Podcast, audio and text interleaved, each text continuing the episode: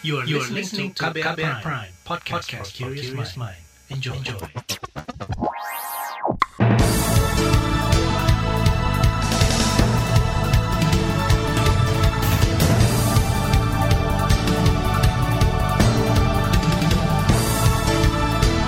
Selamat pagi saudara, jumpa lagi di program Buletin Pagi edisi Jumat 24 Desember 2021. Sejumlah informasi pilihan telah kami siapkan, di antaranya DPR didesak sahkan RUU TPKS jadi RUU inisiatif pada Januari 2022. Lebih dari 900 kendaraan sudah tinggalkan Jabodetabek. Seratusan gereja di Jawa Tengah siap gelar Misa Natal. Inilah Buletin Pagi selengkapnya. Terbaru di Buletin Pagi. Saudara DPR dinilai tidak memiliki sense of crisis atas kondisi darurat kekerasan seksual. Hal ini lantaran rancangan Undang-Undang Tindak Pidana Kekerasan Seksual RUU TPKS gagal disahkan menjadi RUU inisiatif DPR pada rapat paripurna penutupan sidang 2021 pekan lalu. Di luar parlemen, tuntutan mendesak RUU TPKS segera disahkan menjadi undang-undang semakin kencang. Salah satunya dari jaringan pembela hak perempuan korban kekerasan seksual. Kelompok ini menuntut pimpinan DPR mengesahkan mengesahkan RUU TPKS menjadi RUU inisiatif DPR pada sidang paripurna pertengahan Januari mendatang. Desakan agar DPR segera mengesahkan RUU TPKS jadi RUU inisiatif DPR pada 13 Januari mendatang juga disampaikan oleh Lembaga Bantuan Hukum Asosiasi Perempuan Indonesia untuk Keadilan atau LBH APIK. Koordinator Pelaksana Harian Asosiasi LBH APIK Hotimun Sutanti menyebut proses penyusunan hingga pengesahan RUU TPKS berjalan sangat lambat. DPR juga dinilai tidak produktif dalam memahami substansi undang-undang tersebut dan padahal undang undang-undang itu mendesak untuk melindungi masyarakat dari kekerasan seksual. Tidak produktif itu artinya berprasangka buruk terhadap RUU ini. Padahal memang ini sudah dibatasi jelas ini terkait dengan kekerasan seksual. Kalau mau mengatur yang lain itu ya bukan di sini tempatnya. Nah itu pun selalu dijadikan persoalan oleh beberapa pihak, oleh fraksi-fraksi tertentu misalnya PKS dan kemarin tambah lagi Golkar gitu yang justru tidak mendukung terhadap RUU ini. Padahal kekerasan seksual itu kan masalah kita semua ya. Semua orang itu rentan terutama perempuan dan anak-anak mereka juga, di sekitar mereka juga juga. Koordinator Pelaksana Harian Asosiasi LBH Apik Hotimun Sutanti menyayangkan gagalnya RUU TPKS disahkan jadi RUU inisiatif DPR disebabkan oleh masalah prosedural. Seharusnya hal itu bisa dihindari jika DPR mencermati isu kekerasan seksual sebagai isu yang kritikal. Wakil Ketua DPR Muhaimin Iskandar berjanji akan mengawal proses RUU TPKS jadi RUU inisiatif DPR saat sidang paripurna pembukaan masa sidang 2022. Muhaimin juga mendorong undang-undang tersebut segera disahkan. Senada, Wakil Ketua Komisi Bidang Pemberdayaan Perempuan di DPR, Dia Pitaloka menjelaskan, masih terbuka kesempatan untuk mengesahkan rancangan undang-undang TPKS menjadi RUU inisiatif DPR. Anggota fraksi PDIP itu menjamin pembahasan rancangan undang-undang tersebut dan prosesnya menjadi undang-undang tidak akan terkendala dari segi waktu. Undang ini akan disidangkan di awal masa sidang berikutnya, tapi kita tidak kehilangan waktu ya secara prinsip karena masa sidang penutupan ini kan kita langsung reses. Langsung reses nanti ada masa sidang baru dan kalau ini nanti akan masuk ke masa sidang baru, ini bisa langsung kita bahas bersama gitu. Jadi secara praktis kita tidak kehilangan waktu pembahasan juga itu tadi Wakil Ketua Komisi Bidang Pemberdayaan Perempuan di DPR Diah Pitaloka. Sebelumnya, saudara keharusan untuk tertib aturan dan mekanisme menjadi alasan gagalnya RUU TPKS disahkan jadi RUU inisiatif DPR pada akhir masa sidang 2021 Kamis pekan lalu. Menurut Ketua Fraksi PDIP Utut Adianto, agar hasil undang-undang tidak cacat hukum, RUU tersebut harus melewati sejumlah mekanisme di antaranya rapat dengan pimpinan DPR dan rapat dengan pemerintah. Pakar Hukum Tata Negara Bivitri Susanti menilai DPR tidak serius menangani isu darurat kekerasan seksual, padahal upaya pembahasan dan mengesahkan RUU TPKS jadi undang-undang sudah dilakukan sejak 9 tahun silam kalau memang mereka menganggap RUU TPKS ini penting, harusnya masalah administrasi kan dikawal. Nah, jadi kalau buat saya kegagalan kemarin itu tidak jadi disahkan jadi RUU usul inisiatif, itu menandakan bahwa mereka memang tidak punya sense of crisis gitu. Mereka tidak menganggap ada darurat kekerasan seksual di Indonesia, sehingga ya RUU ini diperlakukan biasa saja, bahkan tidak diperhatikan kalau suratnya belum dikirim dan lain sebagainya. Pakar Hukum Tata Negara Bivitri Susanti menegaskan menegaskan tidak ada alasan lagi bagi DPR untuk tidak mengesahkan RUU TPKS jadi RUU inisiatif DPR pada rapat paripurna pembukaan masa sidang parlemen 13 Januari nanti. Dia mengajak publik untuk terus mengawal janji DPR. Sementara itu Menteri Pemberdayaan Perempuan dan Perlindungan Anak PPPPA I Gusti Bintang Puspayoga mengungkapkan keyakinannya pertengahan Januari nanti RUU TPKS akan disahkan jadi RUU inisiatif DPR untuk kemudian diikuti dengan pembahasan lanjutan bersama pemerintah. Rancangan undang-undang tindak pidana kekerasan seksual ini akan sangat penting menjadi payung untuk bisa memberikan keberpihakan kepada korban. Tapi mudah-mudahan uh, kami mohon support dan dukungan teman-teman semua. Saya yakin dan percaya karena ini sudah dijanjikan juga ya bahwa sidang berikutnya ya di awal Januari mudah-mudahan rancangan eh, undang-undang ini ditetapkan sebagai rancangan undang-undang inisiatif DPR di awal bulan Januari. Itu tadi Menteri PPPA I Gusti Bintang Puspayoga. Sementara itu Deputi 5 Kepala Staf Kepresidenan Jaleswari Pramuwardani menegaskan RUU TPKS harus segera disahkan agar jadi instrumen hukum kuat dan komprehensif untuk mencegah dan mengatur hukuman pelaku kekerasan seksual. Untuk itu pemerintah menyatakan bentuk kepeduliannya dengan membentuk tim gugus tugas RUU TPKS. Tim ini akan terus berkoordinasi dengan badan legislatif di DPR. Berdasarkan data Kementerian Pemberdayaan Perempuan dan Perlindungan Anak, ada 2.600-an kasus kekerasan terhadap perempuan dalam kurun waktu 1 Januari hingga 9 Desember 2021. Dari jumlah itu, 73 persen di antaranya merupakan kasus kekerasan dalam rumah tangga. Data Kementerian PPPA juga mencatat ada hampir 11 ribu kasus kekerasan terhadap anak. Dari jumlah itu, kasus kekerasan seksual anak sangat dominan atau hampir 60 persen. Libur Nataru lebih dari 900 kendaraan sudah tinggalkan Jabodetabek. Informasi selengkapnya hadir sesaat lagi tetaplah di Buletin Pagi KBR. You're listening to KBR Pride, podcast for curious mind. Enjoy!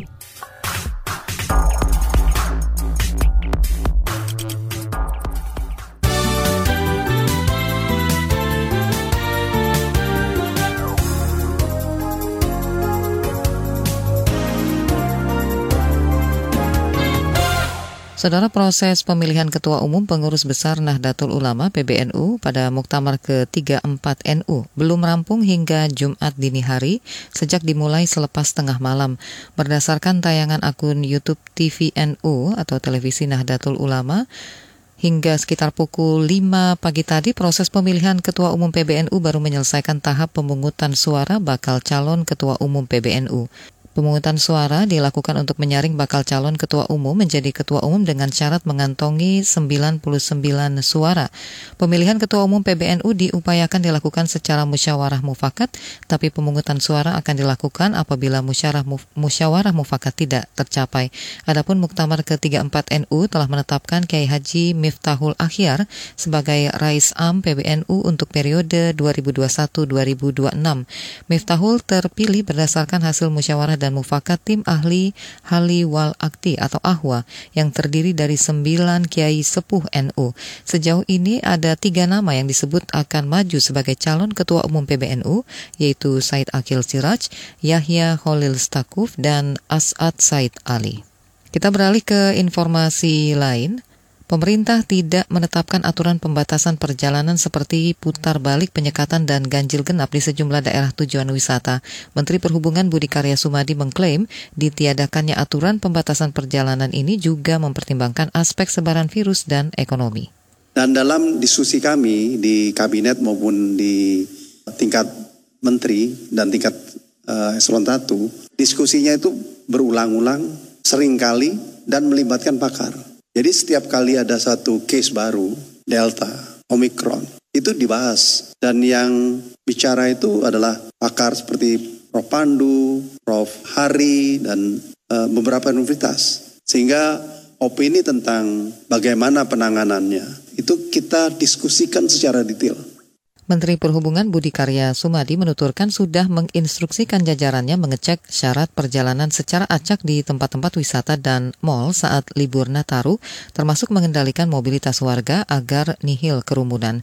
Sementara itu PT Jasa Marga mencatat jumlah kendaraan yang meninggalkan Jabodetabek selama periode 17 hingga 22 Desember lalu mencapai lebih dari 938 ribu unit atau meningkat hampir 8 persen dibandingkan kondisi November 2020. 2021. Pemerintah menyatakan sudah menyita aset lahan seluas 1.300-an hektar dari para obligor bantuan likuiditas Bank Indonesia BLBI. Menko Polhukam Mahfud MD menyebut aset yang baru saja disita oleh Satgas Penanganan Hak Tagih BLBI adalah milik grup Texmaco. Ini semuanya dari grup Texmaco. Sehingga keseluruhan yang sekarang ini sudah disita oleh negara adalah tepatnya 13 1312 hektar. Menko Polhukam Mahfud MD menambahkan aset sitaan dari grup Texmaco terdiri atas 580-an bidang tanah yang berlokasi di lima daerah, yakni Kabupaten Subang, Sukabumi, Kota Pekalongan, Batu, dan Padang. Mahfud mengklaim Satgas Penanganan Hak Tagih BLBI sudah membukukan penerimaan negara bukan pajak PNBP ke negara senilai 314 miliar rupiah. Adapun total tagihan dana BLBI ke negara senilai 110 triliun rupiah. Densus 88 anti teror menangkap 8 terduga teroris di tiga provinsi, yakni Kalimantan Selatan, Kalimantan Tengah, dan Jawa Tengah. Penangkapan dilakukan sejak awal pekan ini. Juru bicara Mabes Polri Ahmad Ramadan mengatakan, terduga teroris berasal dari Jamaah Ansarut Daulah JAD dan Jamaah Islamiyah JI.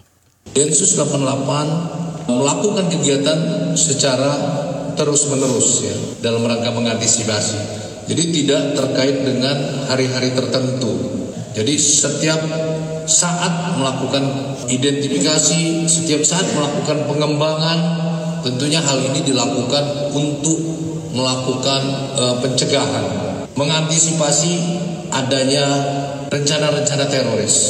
Juru bicara Mabes Polri Ahmad Ramadan merinci Densus menangkap tiga terduga teroris di Kalimantan Tengah. Ketiganya merupakan kelompok dari JAD dan diduga terhubung ke kelompok Mujahidin Indonesia Timur di Poso. Kemudian di Kalimantan Selatan Densus menangkap dua terduga teroris dari jaringan JAD, lalu di Jawa Tengah, Densus menjaring tiga terduga teroris dari kelompok JI. Dari hasil pendalaman terduga teroris di Kalsel dan Kalteng saling terhubung. Beralih ke informasi ekonomi, pemerintah mengisyaratkan akan segera menghentikan penjualan bahan bakar minyak BBM jenis premium pemerintah mendorong masyarakat melakukan transisi atau peralihan menggunakan BBM dari premium ke Pertalite. Direktur Pembinaan Usaha Hilir Minyak dan Gas Bumi di Kementerian ESDM Suryaningsih mengatakan saat ini ada transisi di mana premium RON 88 akan digantikan Pertalite RON 90. Suryaningsih mengatakan BBM Pertalite RON 90 merupakan bahan bakar energi yang lebih ramah lingkungan dibanding RON 88. Menurutnya, saat ini hanya ada tujuh negara yang masih masih menggunakan BBM dengan RON 88 termasuk Indonesia. Peralihan dari premium ke Pertalite diharapkan bisa menurunkan kadar emisi karbon dioksida sebesar 14 persen. Kita ke informasi mancanegara, saudara pemulangan 11 jenazah WNI korban kapal karam di perairan Johor, Malaysia dilaksanakan kemarin menggunakan satu kapal patroli polisi perairan Indonesia. Menurut Koordinator Fungsi Pensosbud KJRI Johor Baru, Andita Putri Purnama, proses serah terima 11 jenazah dilaksanakan di Johor Port Pasir Gudang dari KJRI Johor Bahru kepada Satgas Misi Kemanusiaan Internasional. Satgas ini terdiri dari Kementerian Luar Negeri, Kepolisian RI, dan BP2MI. KJRI Johor Bahru juga menghimbau kepada WNI yang akan bekerja di luar negeri untuk selalu menaati prosedur resmi yang berlaku. Sebelumnya, pada Rabu pekan lalu, satu kapal yang mengangkut sekitar 50 WNI karam dan tenggelam di perairan Johor, Malaysia. Para penumpang diduga pekerja migran ilegal yang ingin mengadu nasib di Malaysia. Kita ke informasi olahraga, Ketua Umum PSSI Muhammad Iriawan meminta pelatih timnas Indonesia Shin Tae-yong agar meningkatkan performa para pemain menjelang laga leg kedua semifinal Piala AFF 2020 kontra Singapura besok malam. Iriawan tidak ingin situasi seperti saat babak kedua pertandingan leg pertama semifinal terulang. Saat itu performa skuad Garuda mengendur hingga akhirnya kebobolan. Skor akhir pun menjadi 1-1. Di leg kedua, timnas Indonesia harus memenangkan laga untuk bisa lolos ke final. Fase gugur Piala AFF tidak mengenal keunggulan gol tandang. Oleh karena itu, andai leg kedua kembali tuntas dengan hasil seri, maka pertandingan semifinal berlanjut ke babak tambahan 2 kali 15 menit dan tos-tosan adu penalti jika diperlukan. Di bagian berikutnya kami hadirkan laporan khas KBR yang mengulas tema tentang kasus HAM berat, intervensi pemerintah dan tarik ulur penyelesaian. Nantikan sesaat lagi. You're listening to KBR Pride, podcast for curious mind. Enjoy!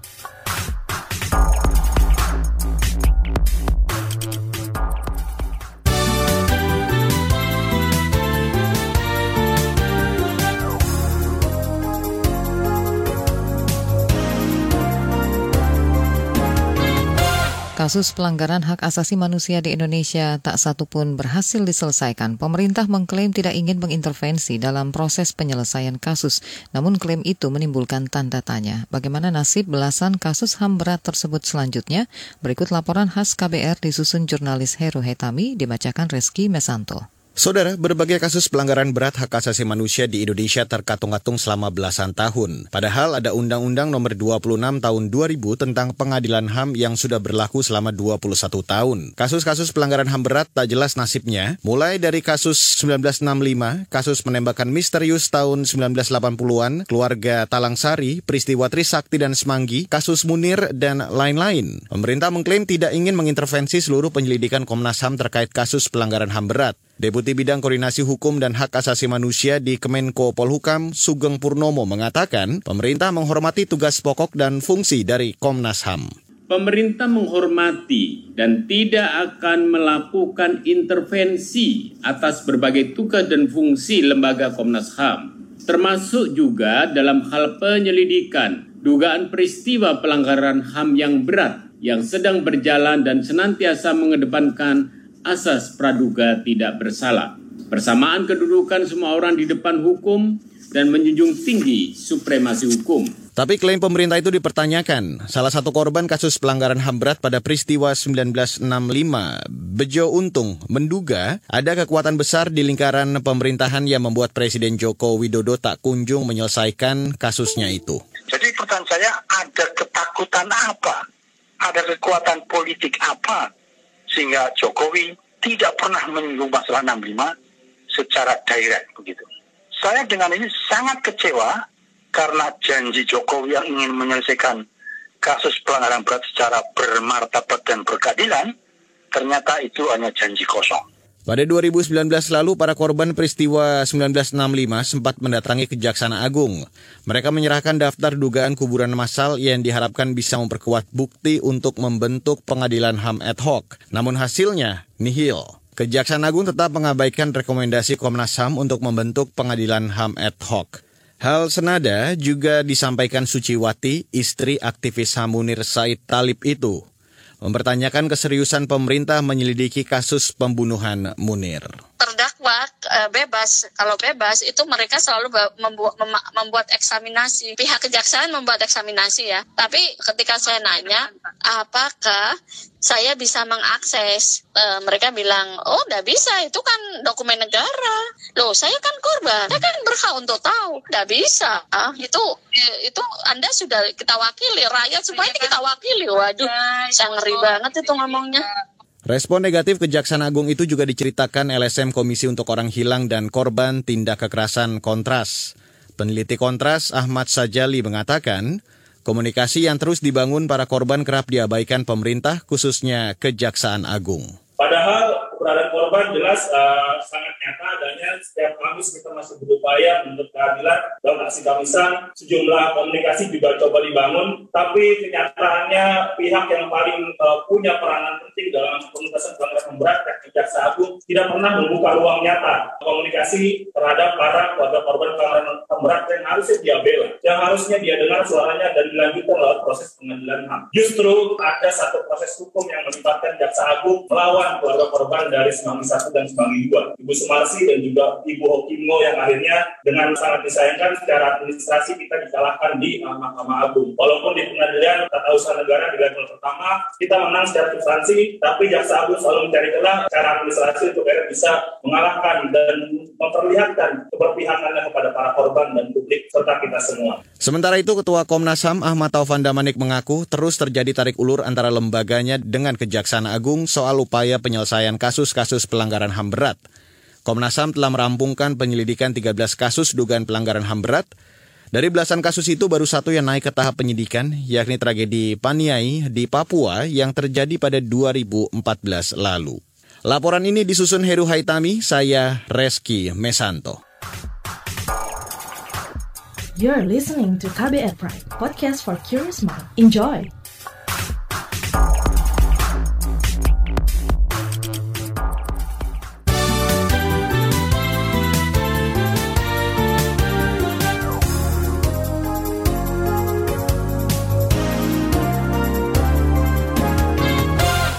Inilah bagian akhir buletin pagi KBR. Keuskupan Agung Semarang menginformasikan 107 gereja di Jawa Tengah siap menggelar misa Natal secara fisik esok hari. Satgas Penanganan COVID-19 Keuskupan Agung Semarang, Romo Edi Purwanto mengatakan meski menggelar misa Natal secara fisik, jemaah Katolik yang hadir dibatasi 50% dari total kapasitas. Itu dilaksanakan dengan sangat presisi dalam arti penerapan protokol kesehatan itu benar-benar diperhatikan maksimal 50% dari tempat ibadah. Jadi kalau dalam kondisi normal tanpa COVID itu pelaksanaan bisa mencapai 500 tempat duduk. Nah, di sini maksimal nanti hanya 250 Satgas Penanganan COVID-19 Keuskupan Agung Semarang Romo Edi Purwanto menambahkan penerapan protokol kesehatan juga akan diperketat termasuk penggunaan aplikasi Peduli Lindungi. Selain itu disiapkan juga jadwal misa khusus bagi anak-anak dan lansia. Edi berpesan jemaah yang sakit agar tidak hadir secara fisik ke gereja pada hari ini. PT Angkutan Sungai Danau dan Penyeberangan ASDP di Pelabuhan Ketapang Banyuwangi, Jawa Timur mencatat peningkatan jumlah penumpang yang hendak menyeberang ke Bali di musim libur Nataru. Menurut General Manager PT ASDP Ketapang Banyuwangi Suharto, di H-2 Natal kemarin, kendaraan penumpang yang menyeberang ke Pelabuhan Gilimanuk, Bali mencapai 1.000 unit lebih. Penumpang kapal didominasi kendaraan bus pariwisata dan roda empat pribadi. Kalau kita banding tahun 2020 masih belum begitu ada kenaikan yang signifikan, namun dibanding tahun 2020 untuk kendaraan pribadi sama bus ada kenaikan sekitar 5%. Tapi kalau dibanding dengan tahun 2019 hanya seperempatnya. Jadi lebih ramai 2019 karena kan belum pandemi ya. Hmm. Jadi setelah pandemi sama-sama dibandingkan dengan pandemi dengan 2020 ada kenaikan di kendaraan kecil sama bus sekitar 5 persen. General Manager PT ASDP Ketapang Banyuwangi Soeharto memperkirakan puncak arus penumpang yang akan menyeberang ke Bali terjadi pada hari ini dan H-1 tahun baru. PT ASDP menyiapkan 38 unit kapal dan dari jumlah itu 28 unit dioperasikan dan sisanya disiagakan di dua pelabuhan. Informasi tadi menutup jumpa kita di Buletin Pagi hari ini. Pantau juga informasi terbaru melalui kabar baru, situs kbr.id, Twitter kami di akun @beritaKBR, serta podcast di alamat kbrprime.id. Saya Malika bersama tim yang bertugas undur diri. Salam.